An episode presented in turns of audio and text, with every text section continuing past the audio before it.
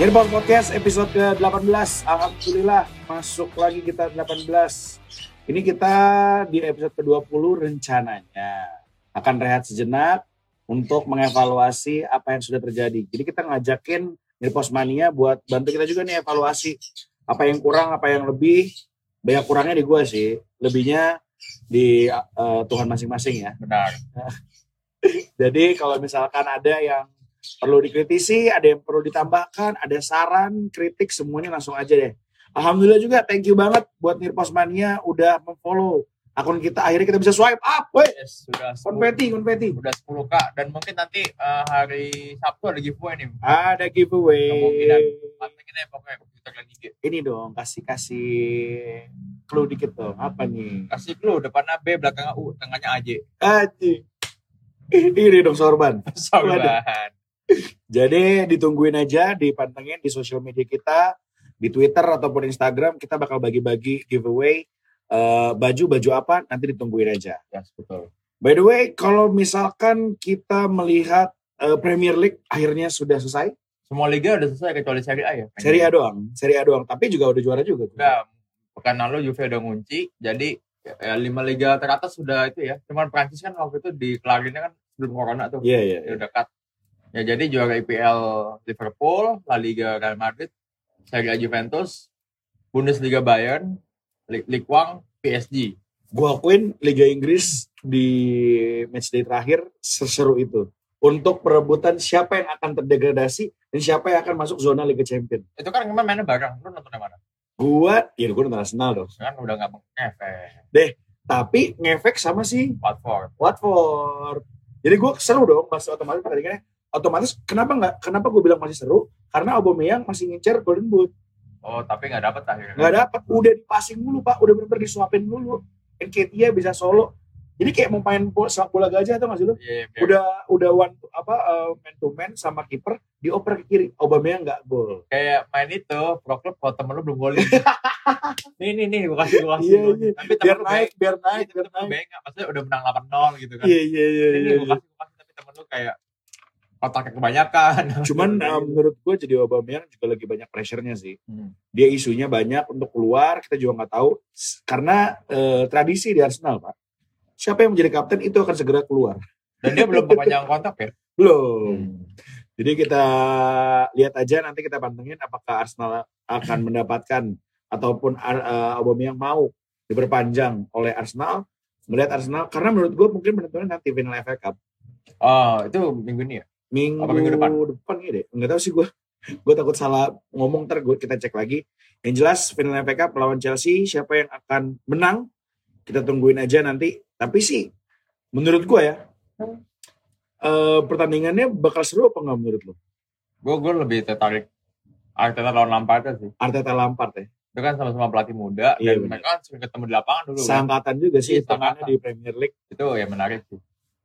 Kita lihat aja nanti dan juga eh, lagi-lagi Manchester United menang melalui penalti Nah, ini ini gue nonton yang ini kemarin nih. walaupun Lingard yang lo post juga ya Itu itu itu sesuai banget sih. Jadi kan rame tuh di sosial media ada orang pasang taruhan Lingard musim ini 0 gol 0 assist.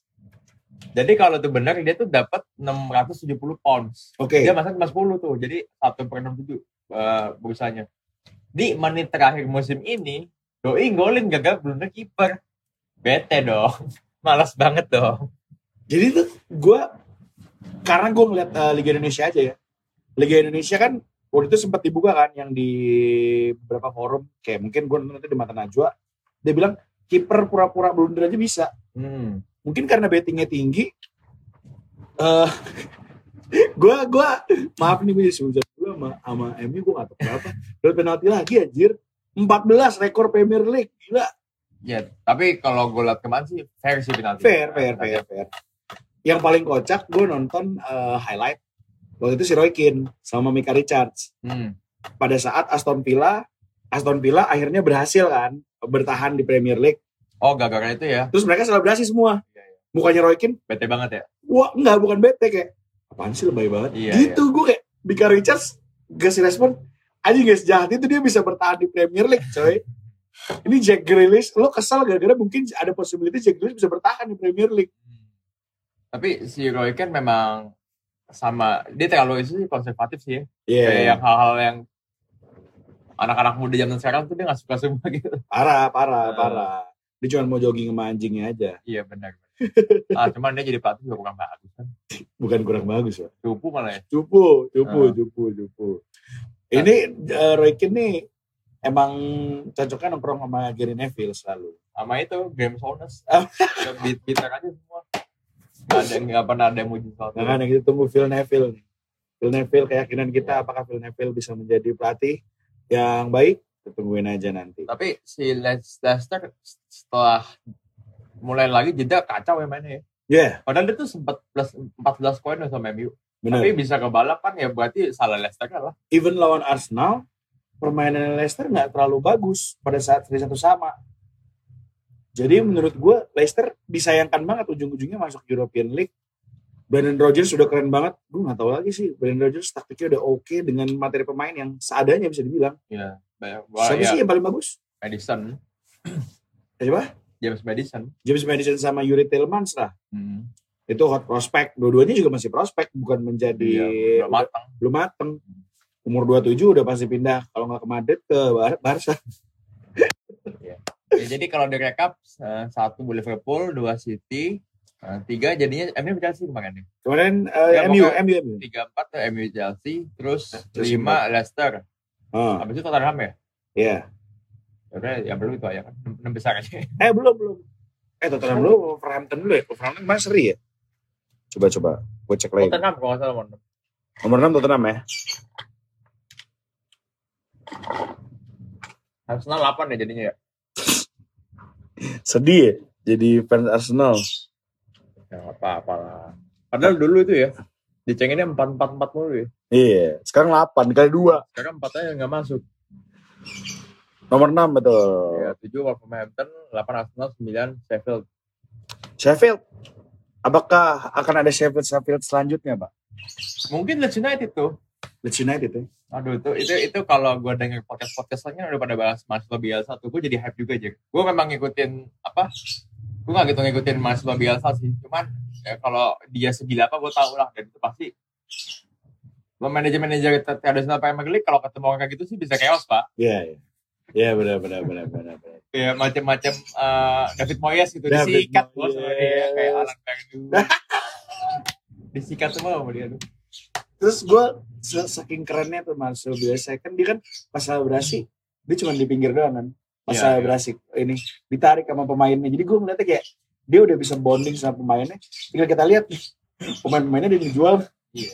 selek mungkin diajak deh jangan jual gue pak udah Premier League gaji gue mau naik Dia bahkan tuh bukan bonding sama pemainnya doang, sama kotaknya. Dia tuh bener-bener bener-bener kayak mengenal kultur kota Leeds tuh kayak gimana. Kenal sama penduduk-penduduknya, makan-makan di di fast food itu. Jadi kayak emang jadi memang filosofinya lo mesti kenal kotanya dulu sih baru lo bisa perform di situ. ibaratnya lo lagi mesen riches level 5 tiba-tiba Marcel Bielsa di sebelah lo ya Iya. jangan level 3 aja terus ke perut gitu ya Bapak-bapak banget ya. saking deketnya gitu ya Keren, keren. Oke, di episode kali ini kita akan membahas eh, salah satunya adalah eh, hal yang berkaitan dengan pelatih. Ya. Setelah waktu itu kita membahas pelatih-pelatih muda yang akan menjadi feature best of coaching in uh, football. Sekarang kita akan membahas pelatih-pelatih yang bermasalah dengan beberapa pemain. Ya. Siapa aja kita akan balik lagi. Tetap di Near Post Podcast. Kalau kita ngomongin soal pelatih adalah salah satu role yang lumayan penting Eh, karena terlihat dari beberapa tim besar ketika dipegang oleh pelatih yang tidak cocok, mungkin bukan tidak baik ya, bukan kurang bagus kayak misalnya si Valverde bukan pelatih yang tidak baik, tapi nggak Iya. cocok sama Barcelona karena punya culture sendiri. Kayak sekarang pun udah diganti Masih gitu aja. masih gitu aja, karena mungkin emang nggak cocok aja. Nah pelatih itu udah kayak nyari jodoh, susah banget. Tapi sekalinya cocok, gaspol, kayak Zidane Zidane gitu misalnya. Tapi ada beberapa pelatih yang sukses, tapi sepertinya membutuhkan tumbal di setiap tim. Hmm. Kita membahas yang pertama, kita langsung ke orang yang baru kita sebut, yaitu Zidane Zidane yang baru saja apa ya Juara La Liga lagi. menjuarai La Liga lagi. Dan masih ada kemungkinan, masih ada kesempatan untuk menjuari Liga Champions juga ya, Pak ya. Ya, walaupun agak berat karena Agak berat. mesti menang di kandangnya City. Nah, eh, Zidane ini terkenal dengan gaya kepelatihannya yang tidak kaya akan taktik, tapi kaya akan eh, apa ya eh, cinta anjir. Jadi- manajemennya lah. Man manajemennya oke banget. Sebagai caretaker dia udah oke banget. Jadi kita lihat eh, performa Real Madrid pun setelah pasca berganti beberapa pelatih, tetap memang Zidane Zidane yang cocok. Tapi satu pemain yang tidak pernah cocok dengan Zidane Zidane. Hmm. Udah dimainin sebentar, di benchin lagi. Dia nggak dibuang, di bench. Iya. Bahkan lu udah tendangan salto di final Liga Champions. Iya, Lu masih belum bisa jadi pemain inti. gitu. kurang keren apa? Lu Mas, masih ngapain lagi gitu. ini pengganti Ronaldo Hmm. yang cuman kendalanya cederanya lebih banyak aja. Iya. Dan yang nggak bisa bahasa Spanyol itu Iya. doang. Dia dia cedera tapi eh mm, musiman, tapi nggak sampai semusim kan, Iya. nggak lama-lama banget, Ya bahkan belakangan ini dia fit kok. fit banget. Tapi tetap main teropongnya di bench dia. Anehnya di Wales bagus mulu mainnya. Iya, ya, ya mungkin dia pemain terhebat Spanyol secara awal sih menurut gue Iya. lebih dari lebih dari Iya, kayak bener. Giggs sekarang. Wah parah loh. Ya biarin dia. biar ada yang komen. Ya Gareth Bale, Gareth Bale yang selalu dimasukkan ke bench eh, tidak pernah. Kalau misalnya Ozil gitu ya, Ozil kan nggak dibawa. Iya. Lebih parah gitu. Cuman kayak udah lihat, udah kelihatan gitu. Oke lah, lu gue jual. Either lo mau hasil atau gue jual. Tapi Bale dari segi betisnya kita nggak usah nanya tuh. Udah makin gede kayaknya di Madrid. Gue nggak tahu di Madrid tuh kayaknya alat fitnessnya bagus-bagus pak. Bagus. Pakai PT semua. Iya, pakai PT. Mahal. Shakiri masuk situ jadi hook. jadi kita ngeliatin uh, Gareth Bale sangat disayangkan tidak terlalu diketahui sebenarnya apa penyebabnya tapi kemungkinan uh, masalah taktikal aja Selera ya. selera yang tidak cocok. Tapi maksudnya yang dependen Zidane ini Lucas Vazquez. Terus iya. Isco malah jadi dimajuin. Mungkin dia lebih pengen mainin anak muda, Pak. Pemain muda. Eh ya gue juga agak heran sih karena kalau dari supporter layak kaca sih liatnya ya Gareth Bale ini ya jauh lebih bagus dibanding Lucas Vazquez ya tapi kan itu eh, kita nggak tahu taktik sebenarnya Zidane kayak gimana Ya balik lagi sih itu dia yang kita bilangin kalau emang tipe kepelatihan itu bukan masalah cocok atau eh masalah cocok atau enggaknya aja. Kayak Lucas Vazquez dibilang lebih bagus daripada Gareth Bale, ya belum tentu. Ya enggak lah enggak lah sih ya. Enggak lah. Eh, tapi mungkin lebih cocok sama karena terbukti Zidane bisa menjuarai La Liga tanpa Gareth Bale bisa dibilang musim ini. Perannya nggak terlalu besar lah. Tapi ya kasihan sih kayak dia bener-bener jiwanya tuh udah gak di Real Madrid banget Iya. kayak orang pada selebrasi dia cuma nontonin belakang Ke mana Gareth Bale musim depan? Harusnya balik ke IPL sih Newcastle. oh juga Wah. MU kayak pas gue kalau masuk kalau emang bener Newcastle jor-joran gue setuju ke Newcastle sih gue setuju gue Tapi ya, dia tuh kayak bukan tipe pemain yang butuh plan, Duit. bukan plan gede gitu loh. Kan kalau Newcastle kan pasti proyek jangka panjang kan. ah, Jadi pengennya ya gue udah dapet semua gelar, ya gue pengen lanjutin yang tim yang udah di atas aja gitu loh. Dia nggak mau kayak capek-capek dari bawah dulu. Kan Oke. City kan rilisnya juga lama kan dari awal dibeli sampai bisa jadi tim mapan. karena gaya bermainnya lumayan mirip sama Greg Bellamy Greg Bellamy waktu itu pindah ke City di usia-usia sudah cukup tua gitu kan Iya, iya. Oh, Jadi- Bellamy favorit gue juga. siapa tahu gitu kan kan sama nih Newcastle kalau emang Newcastle pengen nge-build ya karakter sama kayak City Tapi itu dia- belum di Europa League belum di belum di Liga Champion tapi Newcastle belum jadi dibeli kan? Maksudnya iya belum- masih gantung masih gantung Leeds United oke juga sih. kayak keren Dia cuma mau beli Cavani lah. nggak nggak aneh jadinya bajunya Putih juga. putih ya. juga Tapi ntar dia bete bos putih lagi. oh Tiap tiap lihat baju ingat ingat Zidane lagi. berarti nggak mungkin Spurs ya Tadi dulu Spurs juga ya. dia Spurs Oh, ya, legendnya Spurs lah bisa dibilang lah oke eh, setelah Gareth Bale saya doakan semoga Gareth Bale segera diberikan jalan yang tepat tolonglah Florentino Perez lah kita masih butuh Bale salto baru sekali itu loh Iya, bos. Ya, golnya bagus-bagus tuh. iya Apa-apa mainin. kita lanjut ke pemain selanjutnya ini pemain yang sebenarnya sedang mengalami fase yang sama dari pelatih sebelumnya yaitu Mesut Ozil. Sekarang di Arteta, Pak. Sebelumnya di Emery dicadangkan full. Jadi gue baca beberapa artikel si eh, apa namanya Emery itu bilang gue nggak cocok sama Ozil. Dia dribble bola terlalu lama dan juga eh apa namanya pace-nya Emery ini kan sebenarnya menurut gue malah masuk banget secara logika. Jadi kayak nyari alasan aja. Tapi ada lagi atau alasan lagi fisiknya tegak kurang terlalu kuat. Si Arteta sama Ozil pernah main bareng kan? Arteta, Arteta sama Ozil. Nah, pernah waktu Arteta masih di Arsenal, Ozil udah ada, pernah kan ya? Kan Ozil kan masuk 2013. Ah. Itu Arteta masih main nggak? Arteta sempat ngerasain ya baju kuning. Oh masih masih masih masih masih masalah Karmalin itu masih ada. Iya, ya. ya harusnya dulu lebih tahu ya. Dia kan lihat di lapangan langsung. Temennya tuh kayak gimana? Ya mungkin bukan masalah itunya Pak. Arteta kan sebagai pemain dia mengikuti rules pelatih. Tapi ketika dia menjadi pelatih, dia mau ngeluarin ideologi dia mungkin. Oh, Pada saat mengeluarkan ideologi. Ini ini bukan yang gue lagi ngebahas Emery tadi. Hmm. Emery itu gak cocok gara-gara si fisiknya. Arteta emang benar-benar udah tahu Ozil kayak gimana mainnya. Iya sudah Dia- tahu dan Udah pernah jadi rekan tim, pernah jadi sekarang jadi anak buahnya juga. Heeh. Jadi kalau dia nggak mainin, alasannya udah kuat banget sih harusnya. Iya benar. Karena Arteta di musim ini udah Windozi yang di awal bagus banget, hot prospect diincar beberapa tim besar, dibeli dari tim kedua eh Ligue 1, Dari tim kecil kan waktu itu. Lens. Iya, Lens, ya. Dari Lens yang udah degradasi kan Lens dulu Hmm. lumayan kan. Terus udah degradasi di tim divisi apa divisi 2-nya Ligue 1 Prancis, main di Premier League bagus banget, nggak cocok juga. Sangat disayangkan juga sih balik lagi Ozil adalah lumbung asis. Ibaratnya eh De Bruyne lemes. Lewin Sayu ya. De Bruyne saya gokil cuy De Bruyne musim ini. Oke, 20 asis. asisnya ngaco. Sangat disayangkan. Lo pendapat lo gimana? Ozil eh, apakah dia sudah tidak di prime-nya lagi sehingga banyak yang tidak cocok pelatih apa emang dia nggak cocok di Arsenal dengan formatnya Emery ataupun formatnya Arteta? Aduh, kodong. Nggak cocok mah udah tujuh musim di sana dia. Dari Iya 2013. formatnya kan format dua tim dua pelatih baru. Tapi dari Wenger pun dia memang lalu akui lah pas dengan Madrid itu kayak mungkin top 10 Iya. player in the world lah. Iya. Tapi sejak Arsenal tuh ya biasa aja. Waktu Wenger masih bagus.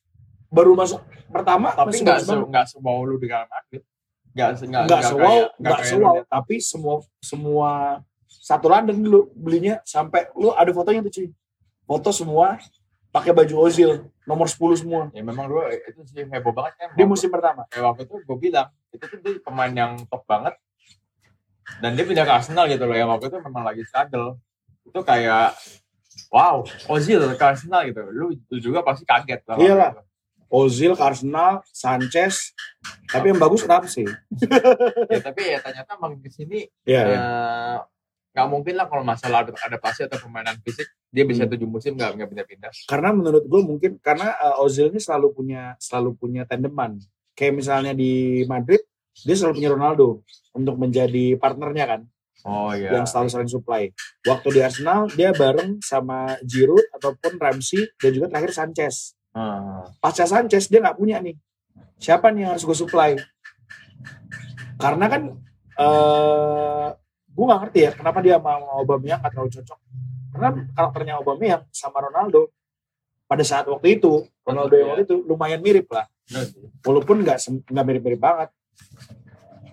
Secara gesture kan uh, uh, Aubameyang larinya cepet, tapi gesturnya nggak terlalu nggak terlalu speed banget kan.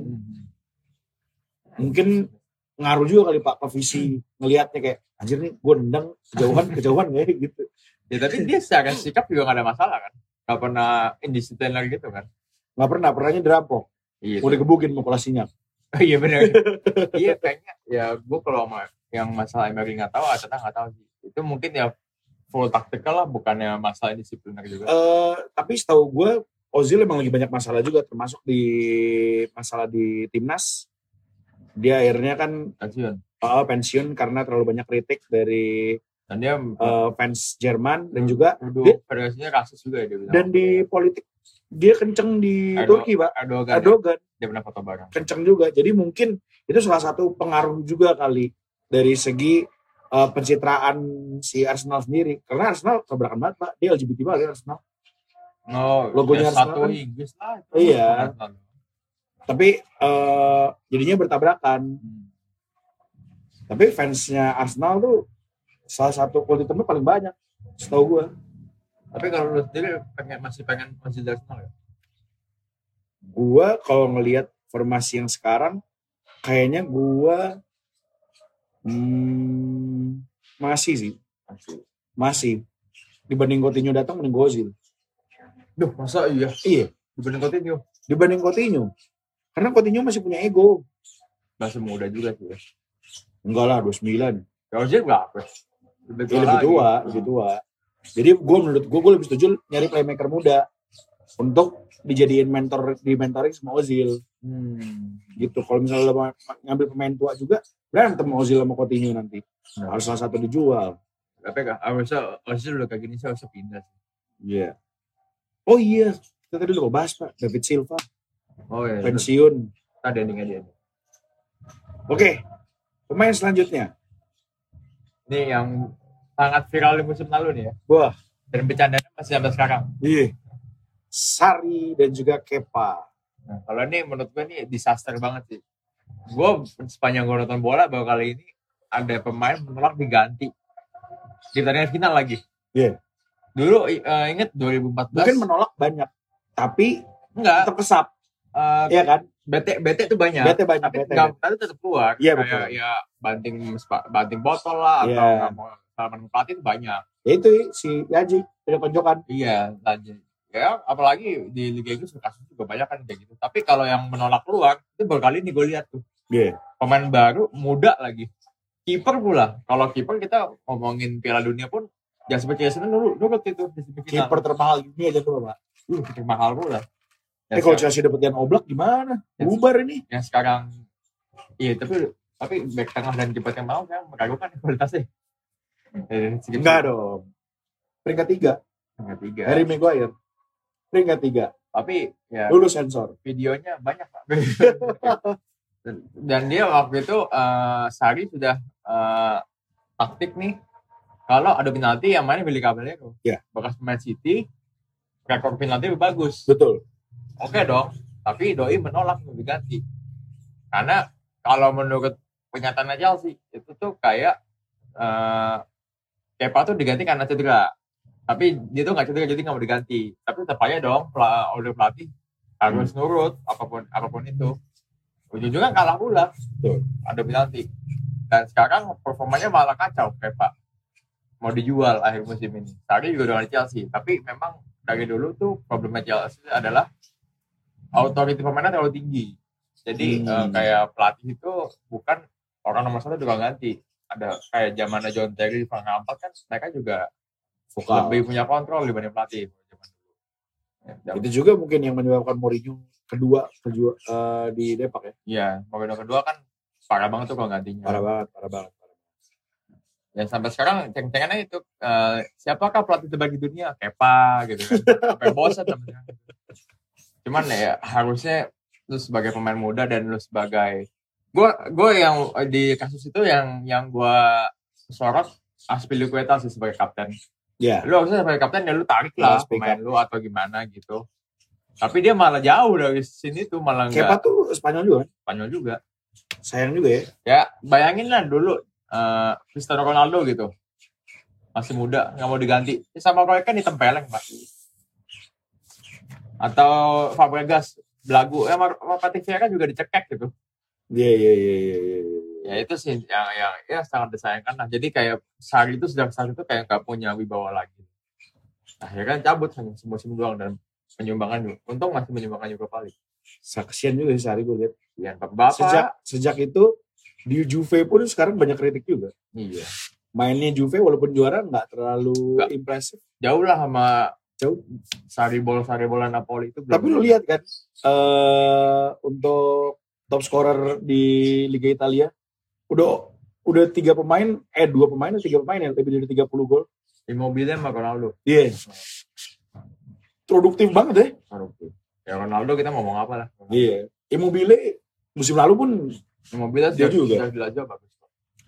Selanjutnya pemain ini the king bisa dilumpuhkan. Dunia mengelilingi Zlatan. Tapi Zlatan tidak bisa mengelilingi Pep Guardiola. Nah, kalau ini ini juga sampai ditulis di buku biografinya Zlatan. Jadi kan eh, banyak yang menilai eh, waktu-waktunya Zlatan di Barca itu cukup gagal kan. Nggak berhasil lah. Padahal kalau kita lihat ratio gol tuh bagus, Ya. masih dua digit lah, masih belasan. Bahkan di awal-awal musim, paruh musim awal itu Tokcer kayak berapa belas gol dari beberapa pertandingan, gue gue lupa detail berapa. Tapi lama kelamaan digeser sama Pep. Tadi Messi di Messi di samping jadi ke tengah, Zlatan ke samping. Jarang, emang kita kayaknya belum pernah lihat ya pemain di Barcelona yang karakternya sama kayak Zlatan. Oh, kata Di era, Zlatan, di era baru ya. kata Zlatan tuh semua itu di sana tuh yes man. Oke. Nggak, nggak ada yang berani stand out, kayak nggak ada yang berani ber- beropini gitu. Hmm. kayak- Salah satunya Pep nyuruh eh, lu ke latihan nggak boleh pakai mobil pribadi atau gue lupa antara mobil pribadi apa mobil pakai mobil mewah gitu. Heeh. Ya Zlatan nanya itu kenapa? Alasannya apa? Kalau alasannya masuk akal gue terima. Tapi Pep nggak pernah jelasin alasannya apa. Dan dia digeser posisinya pun Pep tuh nggak pernah komunikasiin apa apa, cuman tiba-tiba di tim sheet ada aja gitu. Pasti tanya menghindar, tanya menghindar. Maka sampai waktu itu sempat ricu, sampai Zlatan lem- lempar cooler atau lempar botol gitu ke pintu. Tapi harus diakuin Pep itu berarti keras banget ya. Antara Mas gue selain walaupun eh, idealismenya tinggi si Hmm. Pep ini, tapi keras untuk menegur satu pemain dengan figur yang sangat kuat. Itu kan keberanian juga cuy. Lu negur Zlatan di tengah prime-nya Zlatan. Oh, justru masalah di situ. Dia tuh nggak negor, Oh. diem-diem aja, tapi kayak tiba-tiba berubah, tiba-tiba berubah. Kalau Oh. ditanya, kalau dia konfrontasi langsung, dia nggak mau ngomong. Nyinyir arisan aja yang ngomong Iya, belakang. ya. Iya, itu yang ini kan dari versi Zlatan ya. Kalau Iya, dari iya, iya. Pepe gue nggak tahu. Dari bukunya. Iya. Jadi eh, Zlatan Ibrahimovic sangat disayangkan di posisi dia di Barca. Tapi benar, setuju nggak lo? Di Barca era baru nggak ada pemain yang se-eksplosif Zlatan dengan tendangan kenceng. Siapa sih pemain di Barca yang sering nendang di luar kotak penalti di masa itu? Iya. David Villa semuanya main di inside the Iya. box kan? Jarang main dia out of eh, eh, outside the box gitu. Bahkan ya, ya, ya, ya Torre pun di situ jadi back tengah, Iya. nggak nggak ngesit sejauh. Iya sih. Tapi berarti itu terlihat eh, emang tim Barcelona ini punya idealisme yang kuat, Filosofinya ada. filosofinya kuat, dan Zlatan nggak bisa mengimbangi itu. Ujung-ujungnya ketidakcocokan itu menyebabkan Zlatan tidak cocok di Barcelona dan dicadangkan selalu oleh Ibrahimovic. Tapi terbukti juga Zlatan ke AC Milan. Lu lihat sekarang AC Milan. Ya keangkat loh. Liga Champion possibility-nya masih ada, Pak. Enggak dong, tutup sih. Oh, Liga eh, Liga Eropa, Liga Eropa. Gak masih bisa. Liga Eropa. keangkat sih. Ya bahkan ngalahin Juventus itu itu kan ya kalau di AC Milan paruh pertama nggak mungkin lah ngalahin Juventus. Iya, iya benar. Sama Atalanta yang kalah 5 Hebat. Ya, itu mentality lah itu. Itu mentality dan leader. MU aja di, eh, waktu dia pernah nggak produktif, produktif banget ya tapi kayak ngebus eh, semangat Iya, pemain gitu dia ya kan udah 37 38 juga. Yang dulu tuh pers Inggris tuh paling nyinyir sama Zlatan. Pers Inggris kayak bilang nih pemain tuh overrated. Pemain ini bukan pemain jago-jago banget lah. Bahkan pas dia lawan Inggris, chantnya fans Inggris tuh uh, you are just a shit Andy Carroll. Gitu, Ditain kayak gitu terus dibalas pakai 4 gol dan satu salto dari luar kotak penalti gitu. shit Andy Carroll itu, Iya. itu jahat dari terjahat itu shit Andy Carroll Dan waktu itu akhirnya dia juga ngejawab tantangan nih. Pindah ke Premier League tahun 2016, umur udah 35, masih jago. iya akhirnya sekarang eh, dia udah pernah main di liga-liga besar semua dan di semuanya tuh gak pernah dia jelek main. tinggal nunggu dia ke Dubai atau ke Qatar Sayangnya dia sama kayak Ronaldo, eh, kayak idolanya si Ronaldo Botak, nggak pernah menang Liga Champion. nah Apa sih itu doang kurangnya itu doang. udah pindah ke Barca yang juara Inter Terus pindah ke Milan yang juara yang Barca. juara Barca aduh. Ya kita doakan sajalah Zlatan nih di Milan dia cuma semusim ya kontraknya ya? Masih belum diperpanjang lagi. Masih belum diperpanjang lagi. sampai akhir musim ini bro.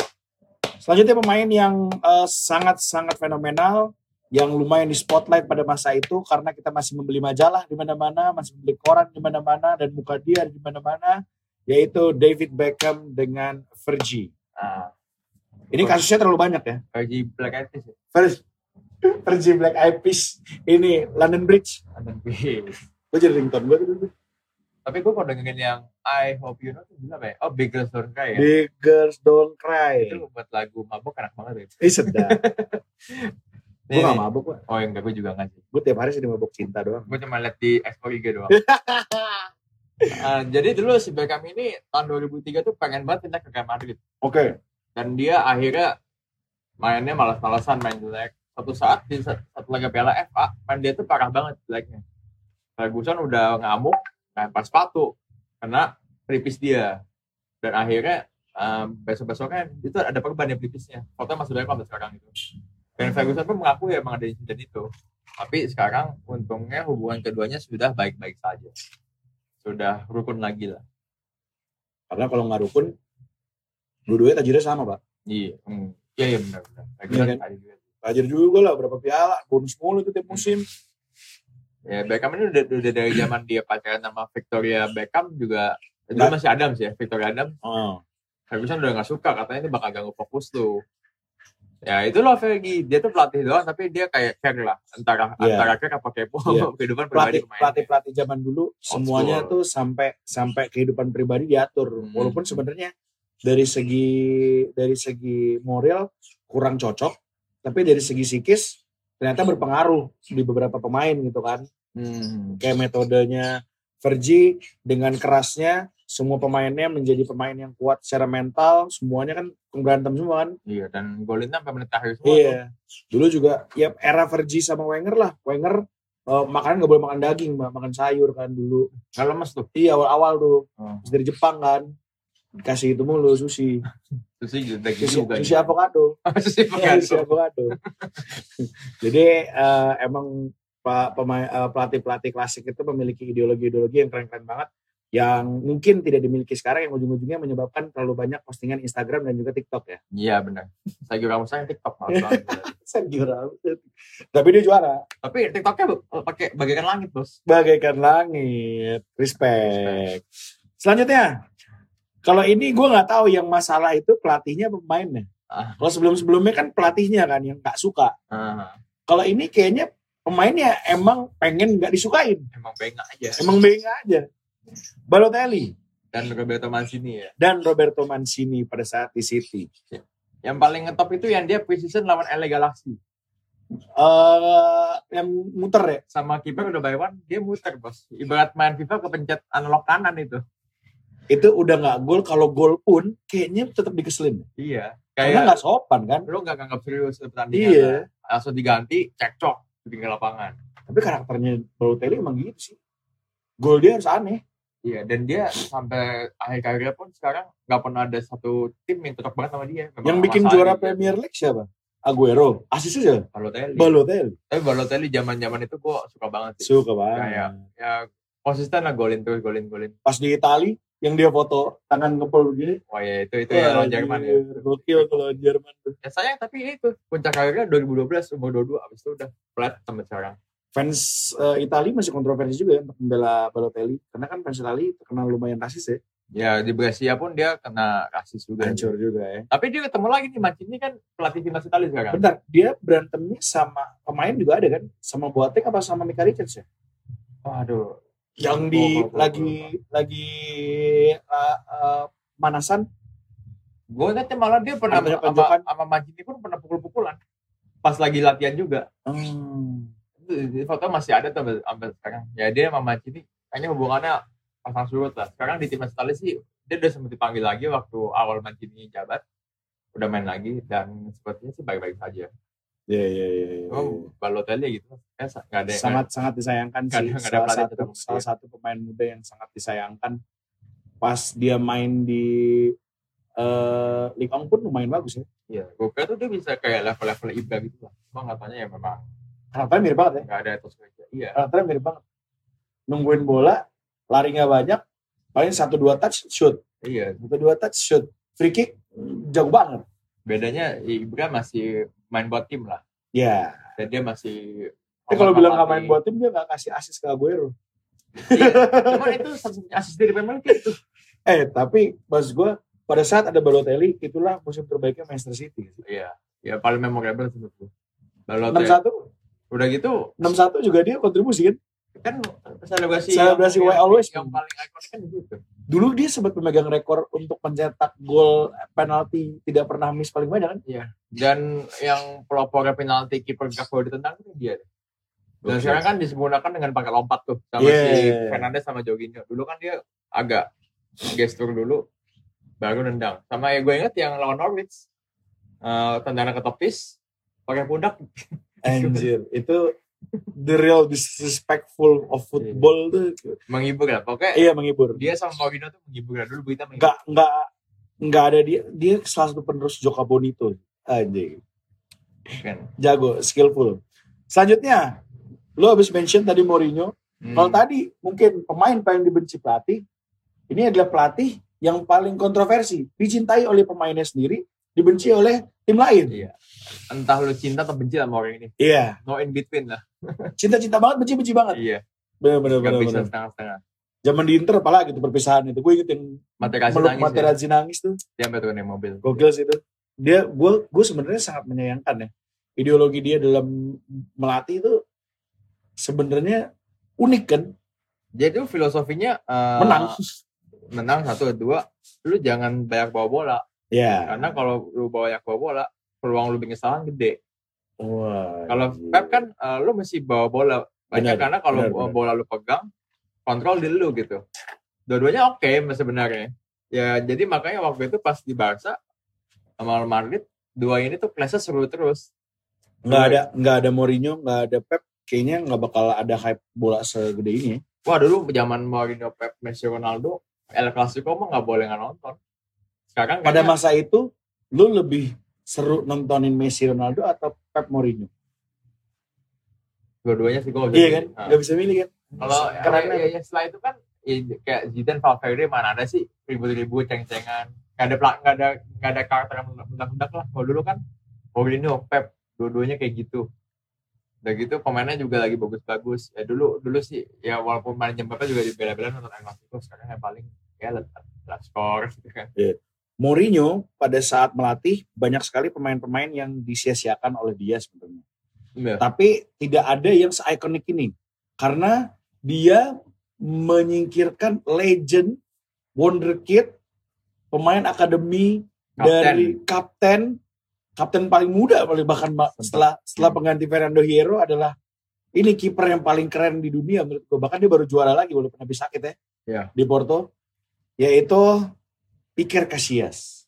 dan waktu itu eh, yang bikin heboh adalah kan eh, kejadian ini kan di musim terakhir Mourinho kan? Iya. 2012 2013 itu dia baru juara Piala Eropa sama Spanyol. Lagi keren-kerennya juga.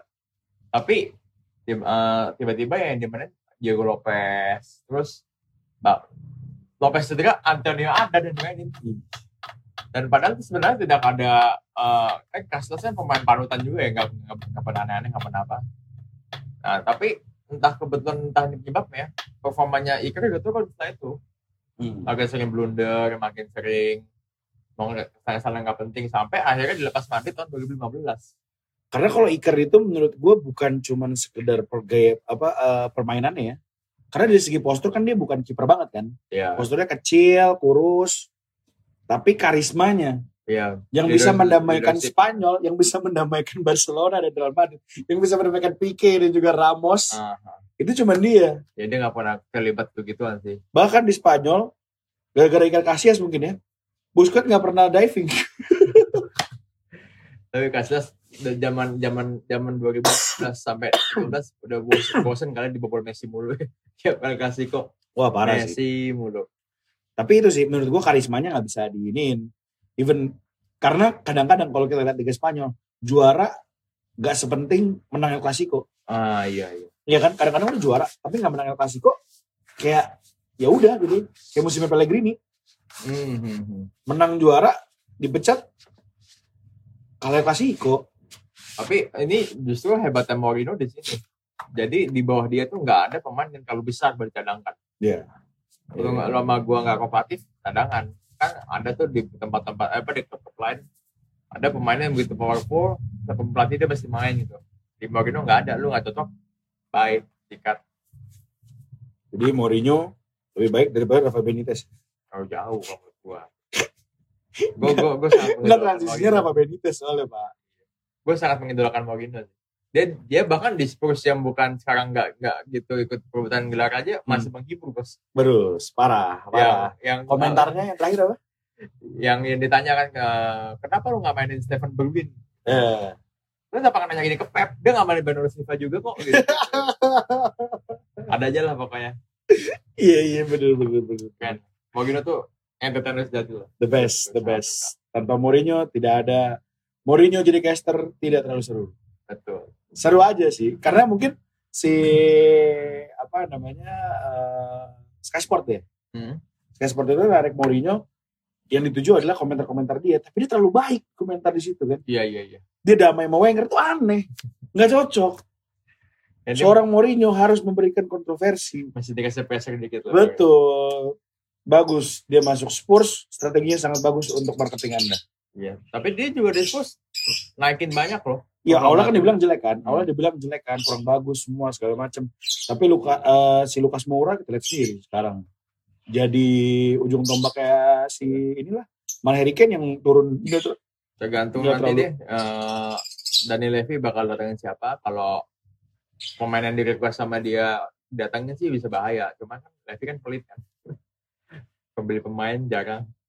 Bagus-bagus. Tapi musim ini lagi, eh musim kemarin kan lumayan. Ryan Sessegnon, itu kan wonderkidnya Fulham kan, dibeli. Tapi sekarang ke mana dia? Masih itu teman. Masih di Spurs, tapi nggak dimainin. Eh, Giovanni Lo Celso, Ya loh. Terus di tengah musim kan Berwin. ah, Sven Berwin. Terus eh, Lukas Moura juga Nggak mau udah semusim sebelum kan, lalu. Eh, back tengah sih, Vertonghen kan cabut tuh. Mungkin si Toby juga. Katanya yang, yang datangin siapa? Vertonghen Toby ke mana ya? Madrid. Vertonghen sih free kontrak, nggak tahu ke mana. Nggak feeling lu. Karena kan mereka pemain yang masih eh, di prime-nya. Vertonghen sih ya, Karena ganteng loh, Pak. ganteng tapi udah Cocok itu sebenarnya gue ngeliat dia cocok di divisinya Barca. Oh iya sih benar. Iya kan? Dan Vertonghen dengan kegantengannya masuk jersey Barca cocok. Ya kalau Vertonghen masih hot sih. Kayaknya dia Gantiin Pique. Tapi umurnya juga udah speaker sih dia. Tapi mainnya nggak jelek Pique. Kalau Pique Eh, main mainnya Pique jelek gak sih? Pique udah udah ngasih dulu gue takut lah ngomong. kali ya. Ya udahlah. Mungkin itu aja. Eh, kalau misalnya ada yang kurang dari kita, ya nama-nama yang belum disebut, pelatih-pelatih yang mungkin ada clash, bisa langsung aja di-mention. Siapa tahu nanti kita naikin ke postingan. Yes. Eh, bisa langsung DM Instagram atau Twitter kita. Atau mau email lah dia. Email apa nih? Email at gmail.com. Langsung aja di email ke kita kalau emang ada saran, kritik, dan juga masukan ataupun eh, saran topik. Karena minggu depan kita masih belum tahu nih bahas apa nih. Oh ya, kita belum ngomongin David Silva tadi. Apa? David Silva. Oh iya, tadi kita mau mention sedikit, kita mau menyampaikan salut. Selamat menunaikan ibadah baru. Apa yang akan dilakukan David Silva selanjutnya? Karena David Silva adalah role penting untuk mengubah Manchester City seperti sekarang. Legend itu. Iya. Legend Ah. Premier League ya bukan City. Legend Premier League di Valencia pun golnya keren banget. Itu cuma gara-gara, cuma gara-gara, maksud gue di Valencia dia juga nggak lama kan? Gak lama. Kan dia eh, masih muda banget. Valencia. Heeh, masih Umur- muda banget di Valencia. 24 baru pindah ke City dia. itu dia masih zaman Valencia eh, David Silva di Valencia masih ada Pablo Aimar sama David Villa ya Saya udah gila. Keren. Dan gosip-gosipnya sih tadi pagi baca katanya mau ke Lazio tapi nggak tahu jadi apa enggak. mau ke Lazio Hmm, David Silva. wah pecah sih Ya, dia masih jago kok sebenarnya. iya makanya kalau misalnya Hmm. dia ke Lazio nggak apalagi Lazio nggak butuh pace se seintens Inggris kan Iya. jadi dia untuk menyuplai bola untuk eh, Ciro Immobile Sabi David Silva sama. Lucas Leiva aja Iya. Lucas masuk Leiva, Lazio jadi dewa Silva, Leiva sama Milinkovic Savic. Ngeri Beuh. juga tengahnya. Aduh. Lazio, Lazio. ya pokoknya eh, respect lah David Silva musim terakhir di Manchester City semoga eh, karir selanjutnya lebih oke lagi Eh, karena emang menurut gua dengan adanya David Silva menghambat pertumbuhannya Bernardo Silva Ya, ya. Benar. karena jagonya masih sama Hmm. karena kan Bernardo Silva katanya sebagus itu kan kata Iya. orang-orang sebagus itu tapi tidak kelihatan ujung-ujungnya karena masih ada backup seperti De Bruyne dan juga David Silva yang masih produktif jadi mungkin biar lebih terspotlight lagi dan untuk mempertahankan agar Bernardo Silva tidak ditawar oleh PSG Hmm. angka baiknya mungkin emang David Silva mengu- eh, ini keputusan yang oke banget dari Pep dan juga legowo dari David Silva jadi semoga aja kita doakan David Silva bisa sekeren seperti Santi Cazorla sekarang di Villarreal. Yep. Kalau gitu udahan dulu. Semoga sehat-sehat semuanya Nirpos Mania. Kita ketemu lagi minggu depan tetap di Nirpos Podcast.